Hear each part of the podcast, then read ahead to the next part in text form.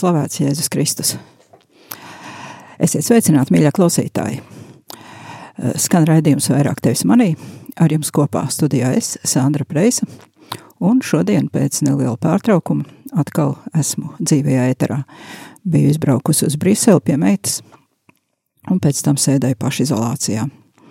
Tā kā man ir laba pieredze gan staigāšanai maskās, gan arī pašizolācijai, jo Briselē maskā staigā uzreiz, kā iziet no dzīvokļa. Tur nav variantu, ka varētu kaut kur vispār ārpus dzīvokļa iet bez maskas.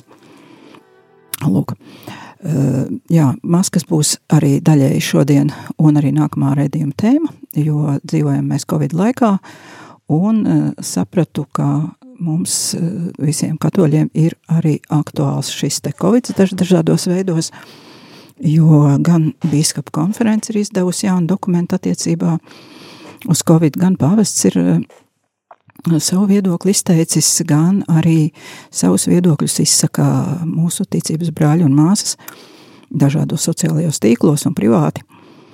Un patiesībā šie raidījumi, šis un nākamais, ir iedvesmoti no tieši no sociālajiem tīkliem.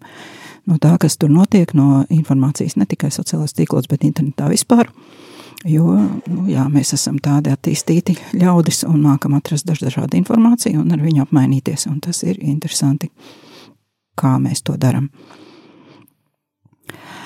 Tagad, kā vienmēr, sāksim ar lūkšanu. Lūksimies visos mūsu pašu un rādījuma arī ziedotāju nodomos. Lūksim par to, lai mums visiem kopā izdotos apturēt vīrusu izplatību. Lūksimies par visiem slimajiem un par mirušo dvēselēm. Dieva tēva un dēla un svētā gara vārdā Āmen. Tēvs mūsu, kas esi debesīs, svētīts lai top tavs vārds, lai atnāk tava valstība, tavs prāts, lai notiek kā debesīs, tā arī virs zemes. Mūsu dienišķo maizi dod mums šodien, un piedod mums mūsu parādus, kā arī mēs piedodam saviem parādniekiem, un neieved mūsu kārdināšanā, bet atpestī mūs no ļaunā. Āmen! Sanctum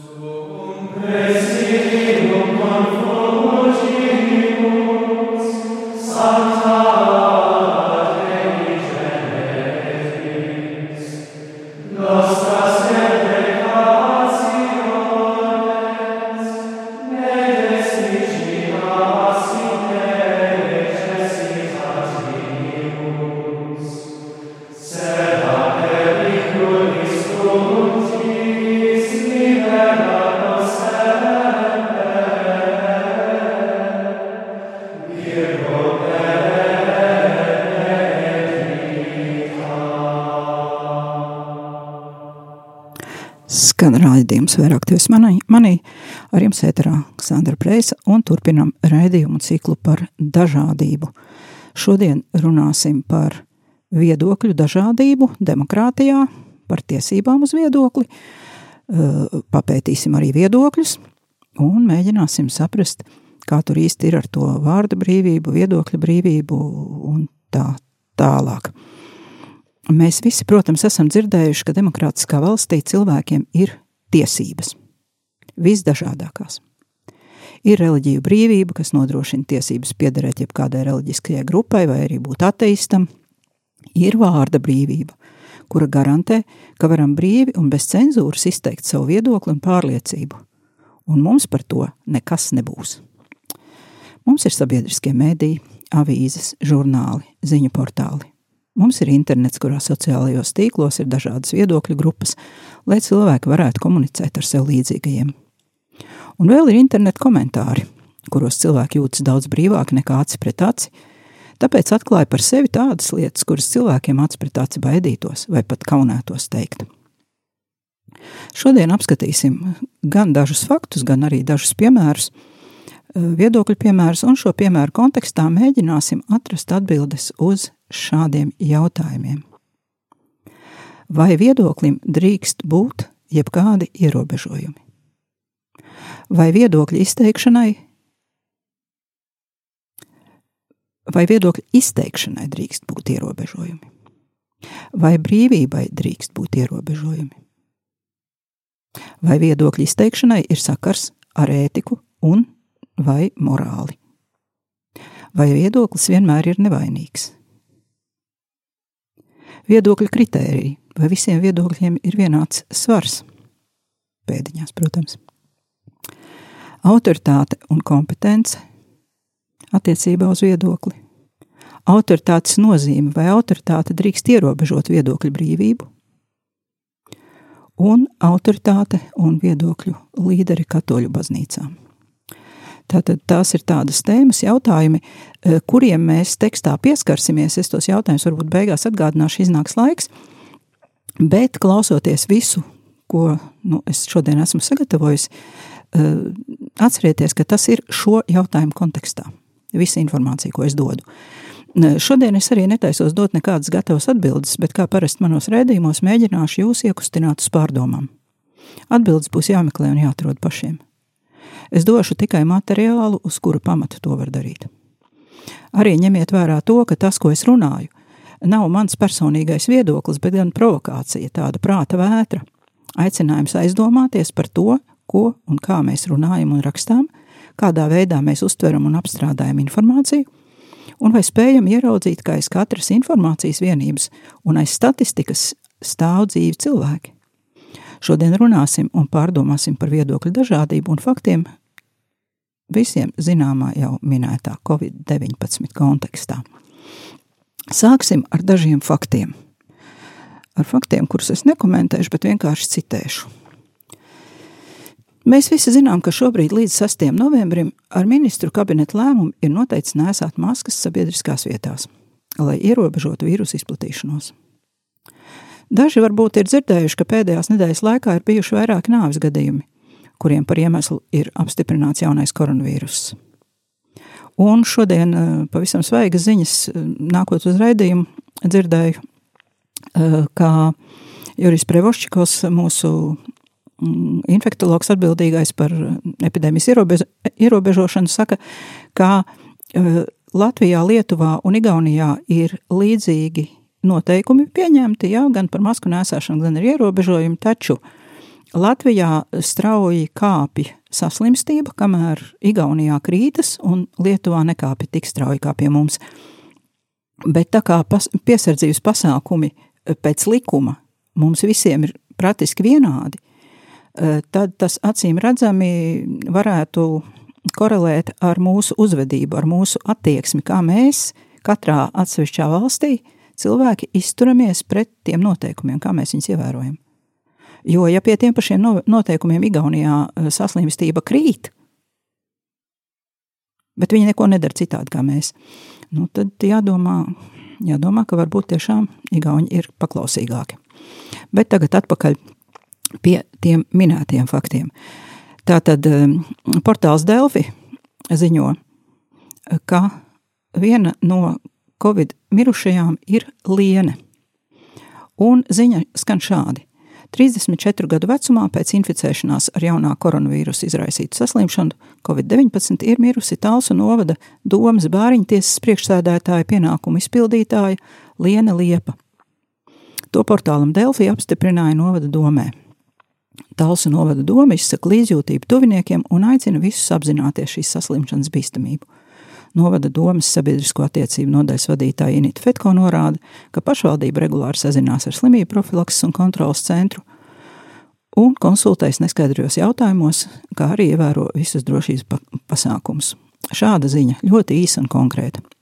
Ar šo ziņu portālā ir dalījušies 683 cilvēki, bet komentāru sadaļa ir slēgta. Acīm redzami aiz cieņas pret mirušās sievietes tuviniekiem. Otra tēma tā tad masku nēsāšana. Ko saka baznīcas autoritātes? Šis teksts nav īpaši garš, un tā kā tas ir aktuāls mums visiem katoļiem, kas iet uz baznīcu, es to nolasīšu pilnībā. Latvijas bīskapu konference aicina garīdzniekus un ticīgos, tātad mūsu katru, sekojot otrdien, 13. oktobrī ministru kabineta pieņemtajiem jaunajiem ierobežojumiem saistībā ar vīrusu Covid-19 izplatību, ievērot drošības pasākumus arī dievnamos, draudžu rīkotajos pasākumos un aktivitātēs. Bīskapi ziņo, ka baznīcas telpā piedaloties kārtējā dievkalpojumā ir jāievēro divu metru distance, jādezinficē rokas un jālieto mutes un deguna aizsegs. Svētās misas laikā miera sveiciens jāsniedz nevis sarokojoties, bet viegli paklanoties, ejot pie svētās komunijas jāievēro divu metru distance, bet bēru kristību laulību pasākumā iekštelpās nedrīkst piedalīties vairāk par 30 cilvēkiem. Ja pasākumā piedalās vairāk nekā 30 cilvēku, tad pasākumam jānotiek ārtelpās. Draudzes pasākumos svētdienas skolas nodarbībās iespēja robežās jāievēro divu metru distance un jāveic roku dezinfekcija. Svētdienas skolas nodarbības ir jāorganizē individuāli. Mutes un deguna aizsegu var nelietot bērni līdz 13 gadu vecumam, tāpat to var nevalkāt medicīnisku iemeslu dēļ, piemēram, ja personai kustību traucējumu dēļ ir apgrūtināta maskas uzlikšana, vai personai ir psihiskās veselības traucējumi, vai arī tā slimo ar astmu. Priesteri, kuru vada dievkalpojumus un kalpojošais personāls, mutes un deguna aizsegus var nelietot dievkalpojumu laikā, kamēr atrodas presbitērijā, bet viņiem ir jādezinficē rokas pirms un pēc dievkalpojuma, kā arī pirms un pēc svētās komunijas dalīšanas. Priesteri tiek aicināti bikskrēslu lodziņas iespēju robežās aizklāt ar caurspīdīgu plēvi, tos regulāri dezinficēt vai organizēt grēksūdas atsevišķās telpās, ievērot higienas prasības. Aicinām priesterus ievērot visus, ievērojot visus higiēnas noteikumus, neatteikt sakramentālo aprūpu slimniekiem un vecāku gadu gājumu cilvēkiem. Šie noteikumi ir spēkā no šī gada 17. oktobra līdz 6. novembrim. Tātad tas bija biskupa konferences dokuments, oficiāls un saistošs mums visiem ticīgiem, gan priesteriem, gan tiem lajiem, kuri apmeklē baznīcu. Savukārt no Vatikāna ziņo, ka pāvests Francisks aicina izturēties ar izpratni pret masku valkāšanas prasību. Un eh, audiencē viņš eh, bija teicis šādi: Kā parasti es gribētu nokāpt lejā un toties jums, lai ar jums sasveicinātos, bet ņemot vērā jaunos rīkojumus, labāk ieturēt distanci. No, sirds, no sirds sveicinu arī es, tur esošos slimniekus. Jūs atrodaties prātīgā attālumā, tā kā tam jābūt. Taču tad, kad es nonāku, visi sanāk un spiežas kopā, un problēma ir tā, ka rodas inficēšanās risks. Tāpēc, ja katrs valkās masku un ieturēs distanci, audiences varēs notikt arī turpmāk.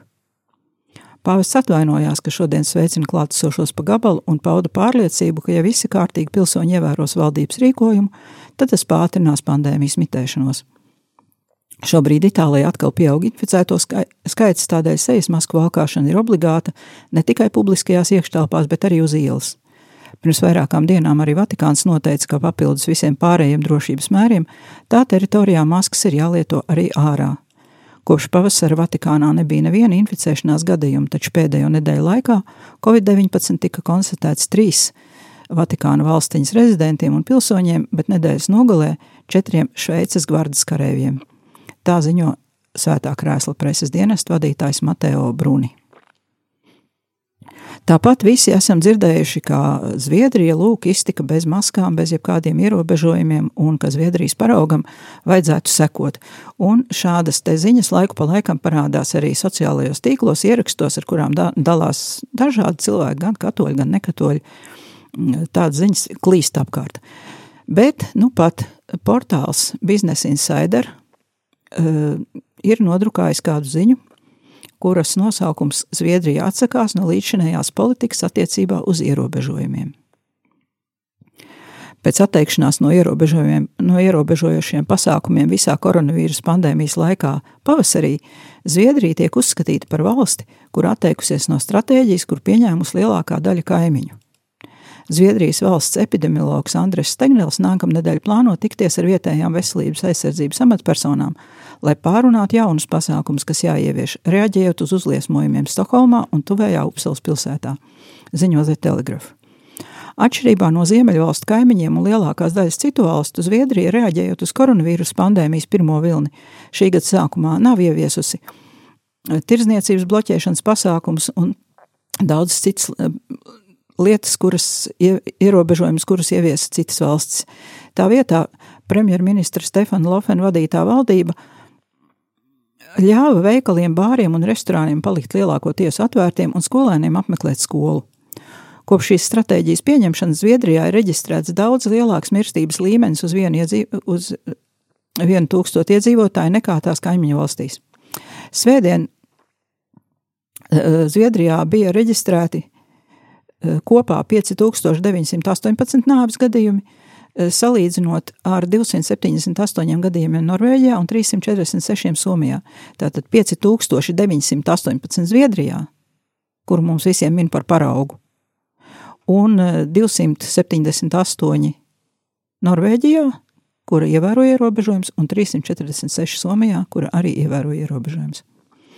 Doktors Joachims Rotsklaus no Umejas universitātes pastāstīja The Telegraph, ka Zviedrija pēc tam, kad tā bija izteikta, ka tā gada sākumā uh, ievēroja šo neierobežošanos, pāriet uz stratēģiju, kas ir tuvāka tām, kuras ir pieņēmusi lielākā daļa citu valdību. Tas, kas notika pēdējās pāris nedēļās, ir virzība uz līdzīgu modeli, kāds izmantots Norvēģijā un daudzās citās valstīs, viņš teica. Ir ļoti acīm redzams, ka tā ir jauna stratēģija. Taču laikraksts laikrakst vēl joprojām ziņo par Zviedrijas stratēģiju, tā it kā tā būtu nofiksēta un būtu tāda pati kā martā. Tegnels šonadēļ sacīja, ka Zviedrijas pilsētas imunitātes ka Zviedrijas pilsētās imunitātes līmenis nav tik augsts, kā nesen uzskatīja veselības aizsardzības amatpersonas. Un tā tad varam secināt, ka šis Zviedrijas modelis, ko viņi pieņēma pilnīgi patstāvīgi savā valstī, uh, un neietekmējoties eh, ne no kādiem norādījumiem, eh, ka šis modelis faktiski ir izgāzies, var teikt. Un vēl ir arī interesanta ziņa no Spānijas, nu, kas tur ir interesants nekā laba. Ir tāda slimnīca Madridē, kura saucās Infanta Leonora, atrodas starp automaģistrātu un piepilsētas dzelzceļu un apkalpo blīvi, blīvi apdzīvotos strādnieku rajonus Madrides dienvidu austrumos, un pagājušā mēnesī 402 no 480 ārstiem parakstīja vēstuli reģionālajai valdībai brīdinot, ka slimnīca atrodas pirms sabrukuma stāvoklī, jo 54% tas ir vairāk nekā puse no gultām, no kuras ir 361 kopā, un visas intensīvās terapijas telpas, eh, kuras ir 27, aiz, aizņem tikai Covid pacienti. Tātad eh, citiem pacientiem vienkārši vairs nav vietas slimnīcā pie intensīvās terapijas aparātiem. Un, eh, ja mēs rēķinām, ka Covid ir tikai viena no ļoti daudzām slimībām, un Covid jau aizņem vairāk nekā pusi gultu, tad ko tad darīs tie cilvēki, kuriem atkal vajag, slim, nu, vajag palīdzību arī citu slimību gadījumos? Tātad šis Covid sarežģīja apkalpot eh, slimniekus visus, un ar 784 gadījumiem uz 100 tūkstošu cilvēkiem pēdējo divu nedēļu laikā Madrida pašlaik ir vissmagāk skartais reģions Eiropā. Un, kā atzīmē pētnieciskie žurnālisti, šī neveiksme ir daļa no plašākas visas valsts neveiksmes, jo Spānijas valdošais bloks ir mazākuma valdība, kreisie, kreiso mazākuma valdība, un premjerministrs Pedro Sančes lepni bija paziņojis, mēs esam uzvarējuši koronavīrusu un kontrolējam pandēmiju. Taču, kā redzam, Spānija atkal ir, kā šis laikraksts saka, Eiropas koronavīrusa melnais straips. Un kas tad ir noticis? Veselības eksperti rāda ar pirkstu uz valdības neveiksmi un tiek vainota gan Sančes kunga kreisā minoritātes koalīcija, gan Madrids vadītā konservatīvās opozīcijas tautas partija. Eh, jo pēc eh, tam, kad Spānija bija ieviesusi pašu stingrāko izolāciju visā Eiropā, eh, tā tieši tikpat ātri, kā viņa šo stingro izolāciju ievies un turēja, arī ļoti, ļoti ātri izgāja no šīs izolācijas ārā un atcēla visus ierobežojumus, nevis to darīja pakāpeniski. Un spiedienu izdarīja arī katalāņu un basku nacionālisti, atsakoties atbalstīt ārkārtas stāvokļa atjaunošanu sakarā ar kuru valdība varētu ierobežot eh, šo vīrusu izplatību. Eh, un saņēmis pretestību, Sančes kungs premjers vienkārši atdeva pandēmijas kontroli katram reģionam atsevišķi un pats devās atvaļinājumā. Re, realitātē iznāca tā, ka re, reģioni nespēja nodrošināt šo te mm, virusa ierobežošanas pasākumus. Valdība arī neprasīja viņiem to darīt, un arī nenoteica skaidrus noteikumus par vīrusu uzliesmojumu novēršanu. Un eh, rezultātā ļoti ātri tika atjaunotas visas izpriecas eh, un draudzēšanās bāros, nacklubos un ģimenes sajietos, un attiecīgi Spānija atkal ir saslimstības priekšgalā. Eh, tātad no šīm ziņām mēs redzam, ka mm, vīrus ir realitāte, ka cilvēki slimo, ka šis vīrus rada problēmas, un nevis tāpēc, ka viņš ir vienīgais. Protams, ka ir citas slimības arī, bet šā vīrusa dēļ nevar normālu ārstēšanos saņemt arī citu slimību pacienti. Un šis vīrus rada divkāršas problēmas. Pirmkārt, pats par sevi, otrkārt, tas sarežģīja medicīnas aprūpi kopumā. Bet kas tad notiek sociālajos tīklos? Mana raidījuma iemesls tātad. Es, protams, nes, nepētīju visus sociālos tīklus, kur ir ārkārtīgi plaši. Raidījuma tēmai šovakaram un vēl nākamam raidījumam pilnīgi pietika ar Latvijas katoļu grupu. Teorētiski šai grupai vajadzētu būt tā kā gaismas saliņai šajā tumšajā laikā. Un es, protams, šai grupai visu laiku sekoju un skatos, ar kādu informāciju tā apmainās, tur patiešām ir daudz labu, gaišu lietu, un, un aicinājumi aizlūgt, bet e, tur ir arī citas lietas. Bet to pēc muzikālās pauzītes tagad paklausīsimies mūsu arhibīskapa mīļāko dziesmu, un pēc tam turpināsim.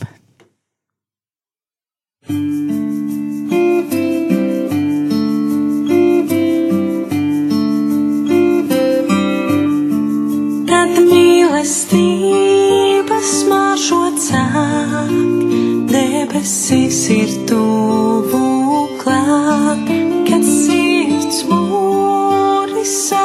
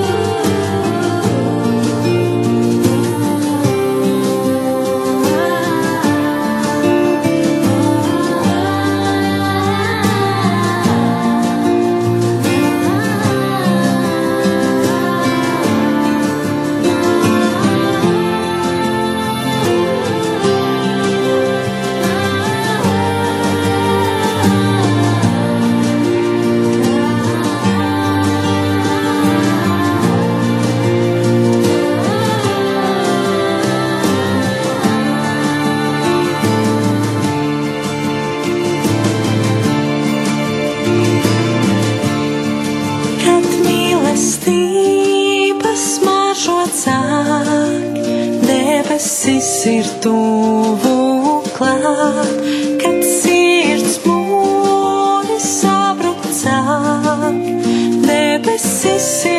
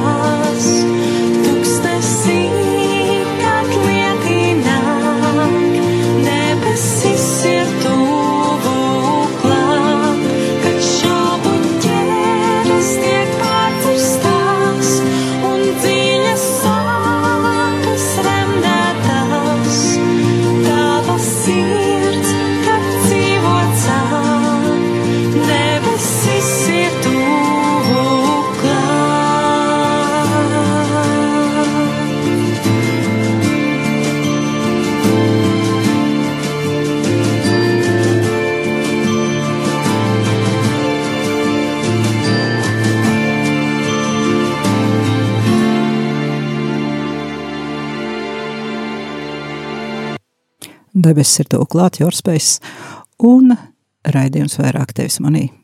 Runājam šodien par viedokļu dažādību un par viedokļu dažādību tieši Covid-19 jaunumu sakarā. Tātad atgriežamies pie Latvijas katoļiem, pie domu biedru grupas Facebookā, kā jau teicu. Iepriekš mēs lasījām īsu ziņu no Delfiem par Lienas nāvi un pieminēju, ka 683 cilvēki sociālajos tīklos, visdažādākajos, protams, ne tikai Facebookā, bet arī draugos un visādos citos, bija dalījušies ar šo ziņu. Delfi smākjūtīgi bija novērsuši iespēju rakstīt muļķīgus komentārus pie šā raksta, taču sociālos tīklos komentētāji kauna neprotas, kā jau mēs labi to zinām.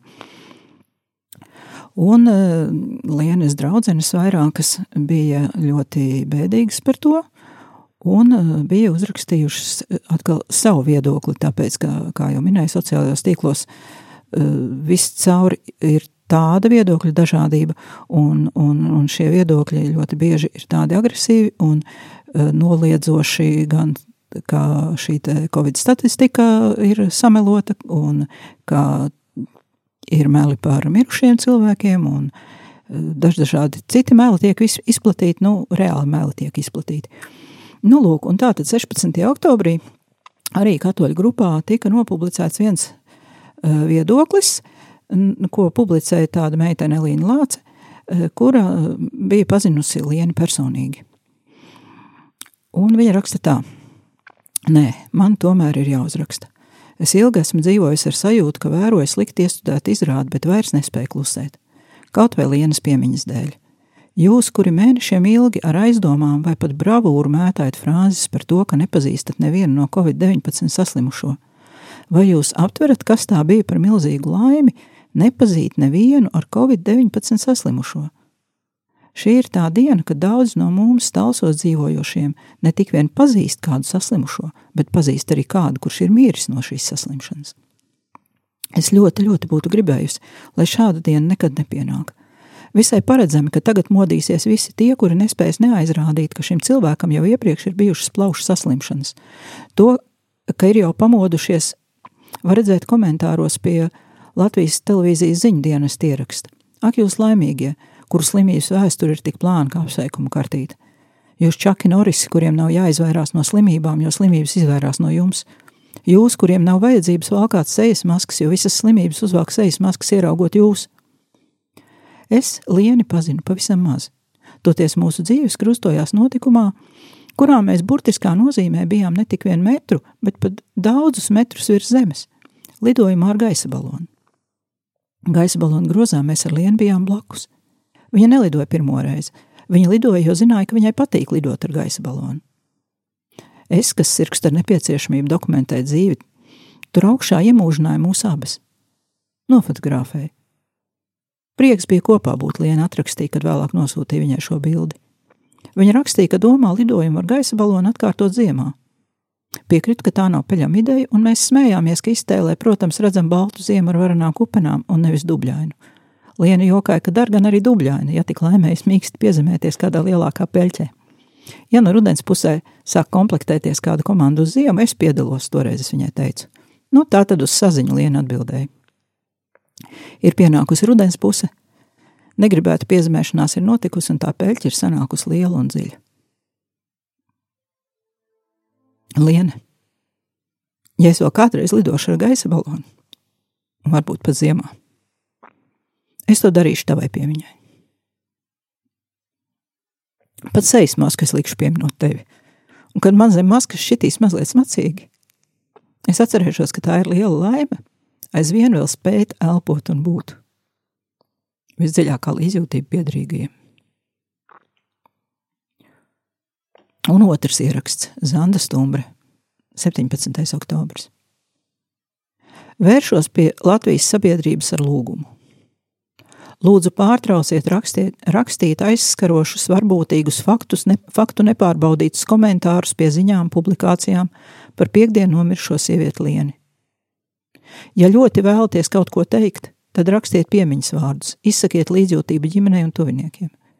Neviens no jums nav bijis klāt šajā situācijā. Neviens no jums nav pēdējās nedēļas dzīvojis bailēs, uztraukumā un neziņā par māsas un tēta dzīvību.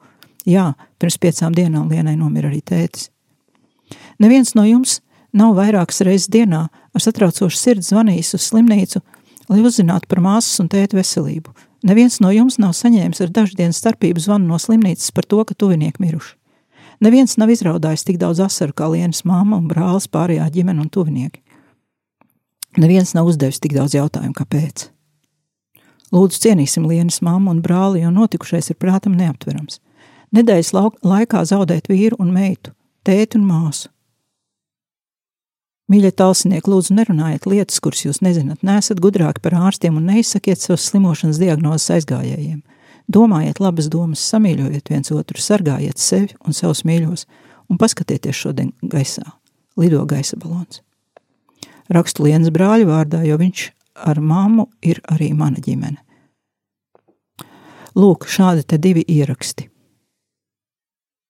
kuros mēs skaidri jūtam, kā pie šiem ierakstiem, kuri ir padoti tālāk no Delfiem un kur komentēšanas iespējas ir bijušas.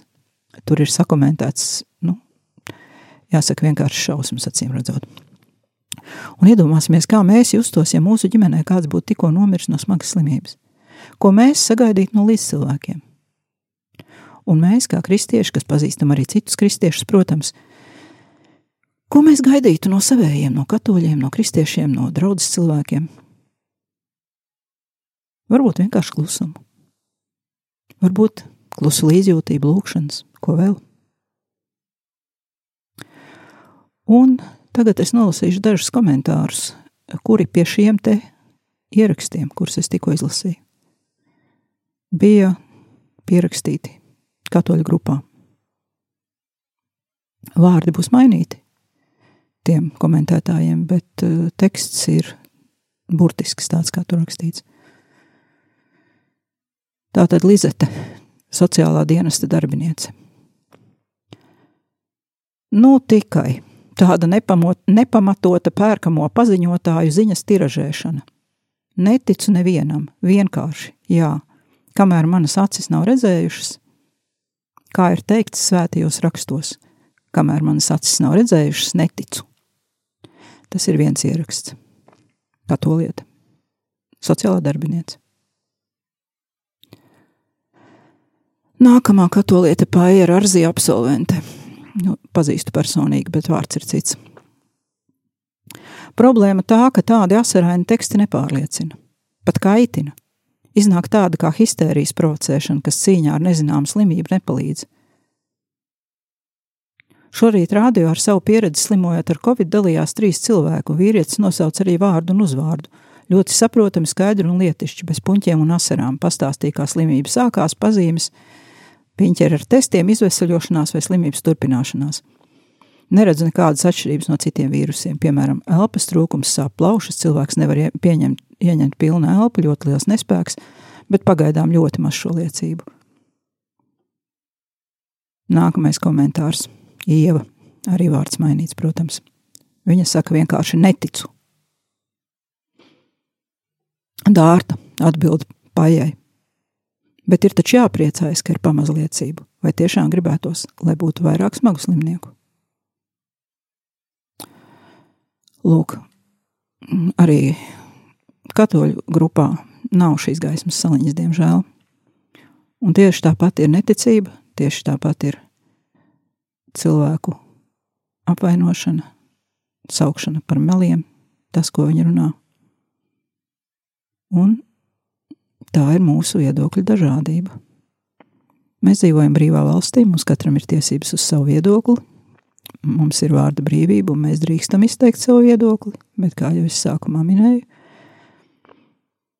ir tomēr attiecībā uz viedokli varbūt jāuzdod pašiem sev šie jautājumi. Un nākamā tēma ir par maskām.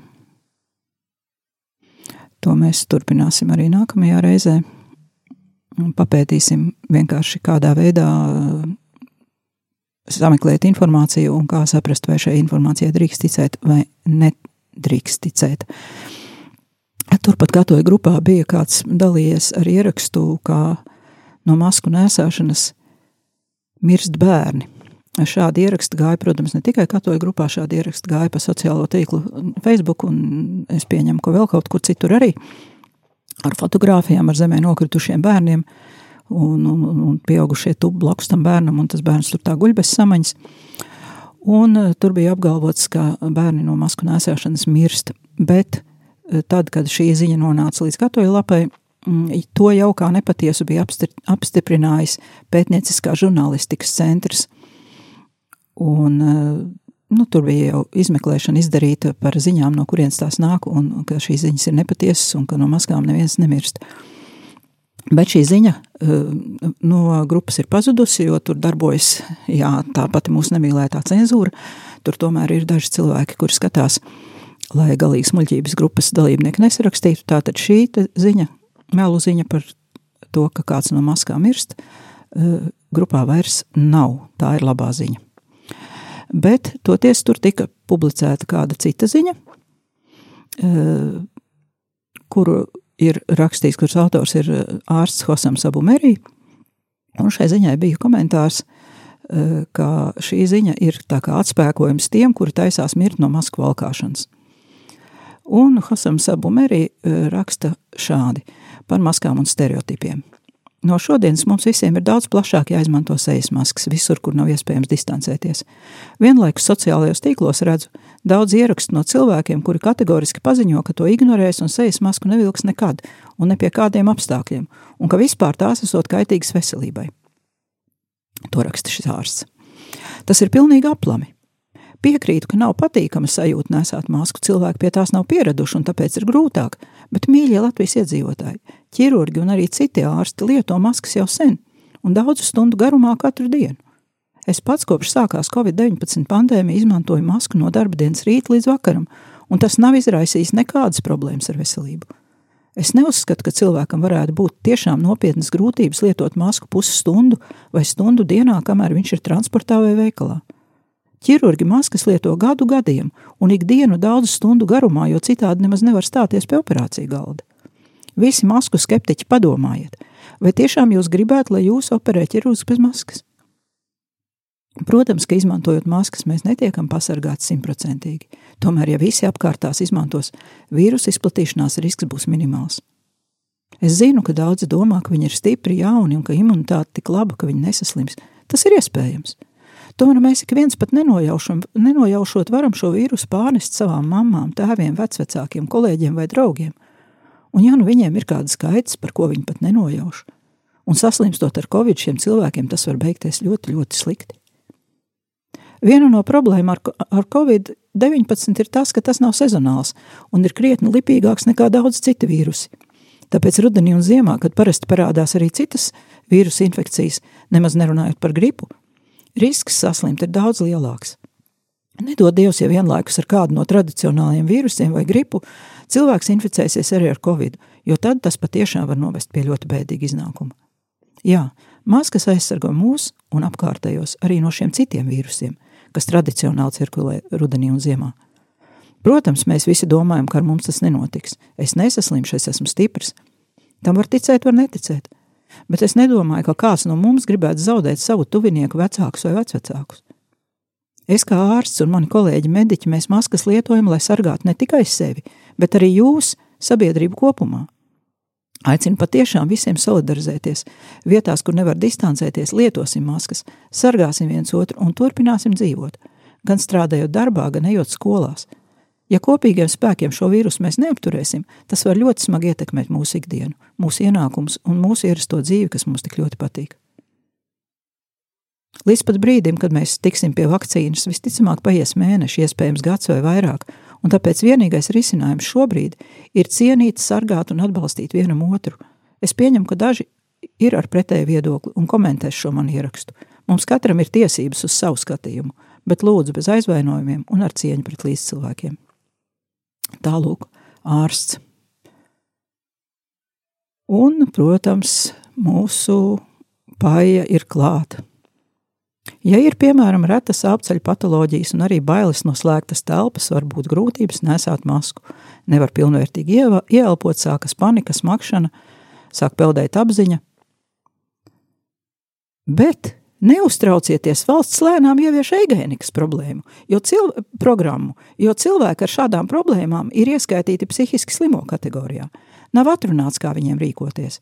Tā kā situācija var ievilkties, un ne visi gatavi veģetēt šādā pusdzīves stāvoklī mēnešiem un gadiem, būtu godīgi ieviest eitanāziju, dodot iespējumu to veikt arī tiem, kas šādā situācijā eksistenci turpināt nevēlas. Bez tam nav saprotams, kāpēc masku nēsāšana tāpat sat Rīgas satiksmi kontrolē ar aizskarošām un pretiesiskām metodēm starp pieturu šmonos, bet paši maskas neliek, distanci neievēro, distanci Distance, tīras rokas un uzpūns vienmēr bijuši samērā efektīvi līdzekļi sērgu ierobežošanai, bet uztrauc totalitārisma metožu atzimšana tā visa aizsegā. Lūk, viedoklis. Tad viena kundze bija komentējusi, kā varbūt kā vienkārši vajag būt likuma paklausīgiem un arī paklausīgiem baznīcas vadībai, kura norāda, kā maskas vajadzētu nēsāt, ja mums liekas pašiem, ka nevajag. Un tad viņai viena cita dāma izteica šādu komentāru. Ja drīkst pajautāt, ja jums rītā pateiks, ka vajag nošauties, jūs arī būsiet paklausīga. Un vēl tāda lieta - nesodi un sodīts netiksi. Nu, tās dīvains komentārs, un šim komentāram atkal atbilde, bet jūs salīdzināt lietas, kuras nav salīdzināmas. Tā ir loģikas kļūda, viltus dilēma, un otra kļūda - ad hominem, jeb uzbrukums cilvēkam, nevis argumentam. Ja, jo šī sieviete uzbruka, uzbruka tai, kura teica, ka vajag būt paklausīgiem un tās maskas nesāt. Pat ja nesaprot eh, tās maskas nozīmību. Un eh, šā, šī diskusija arī katoļu starpā, vai ne?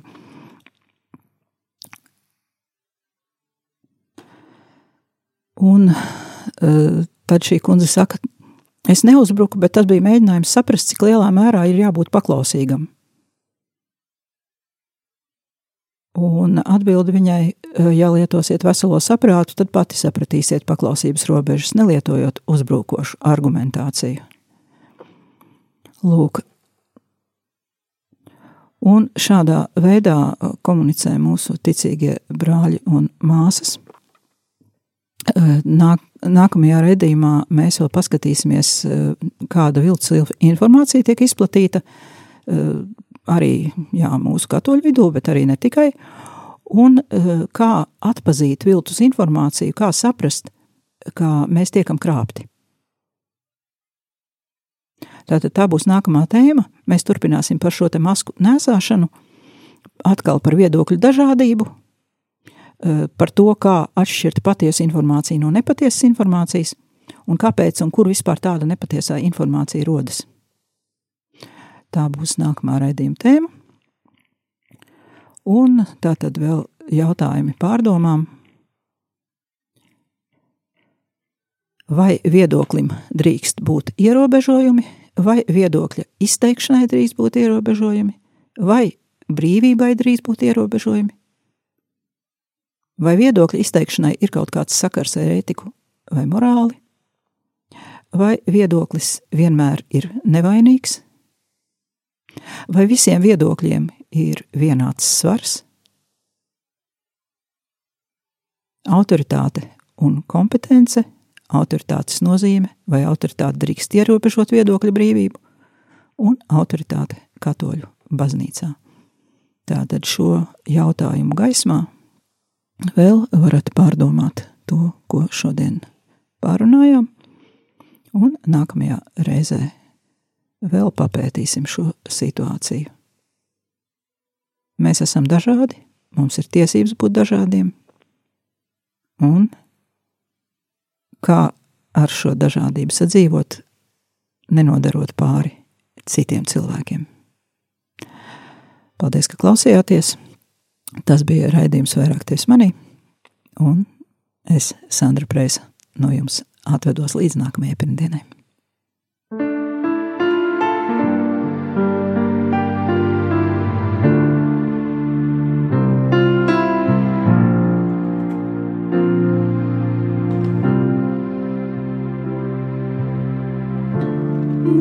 Mīlestības vēl spēlēt.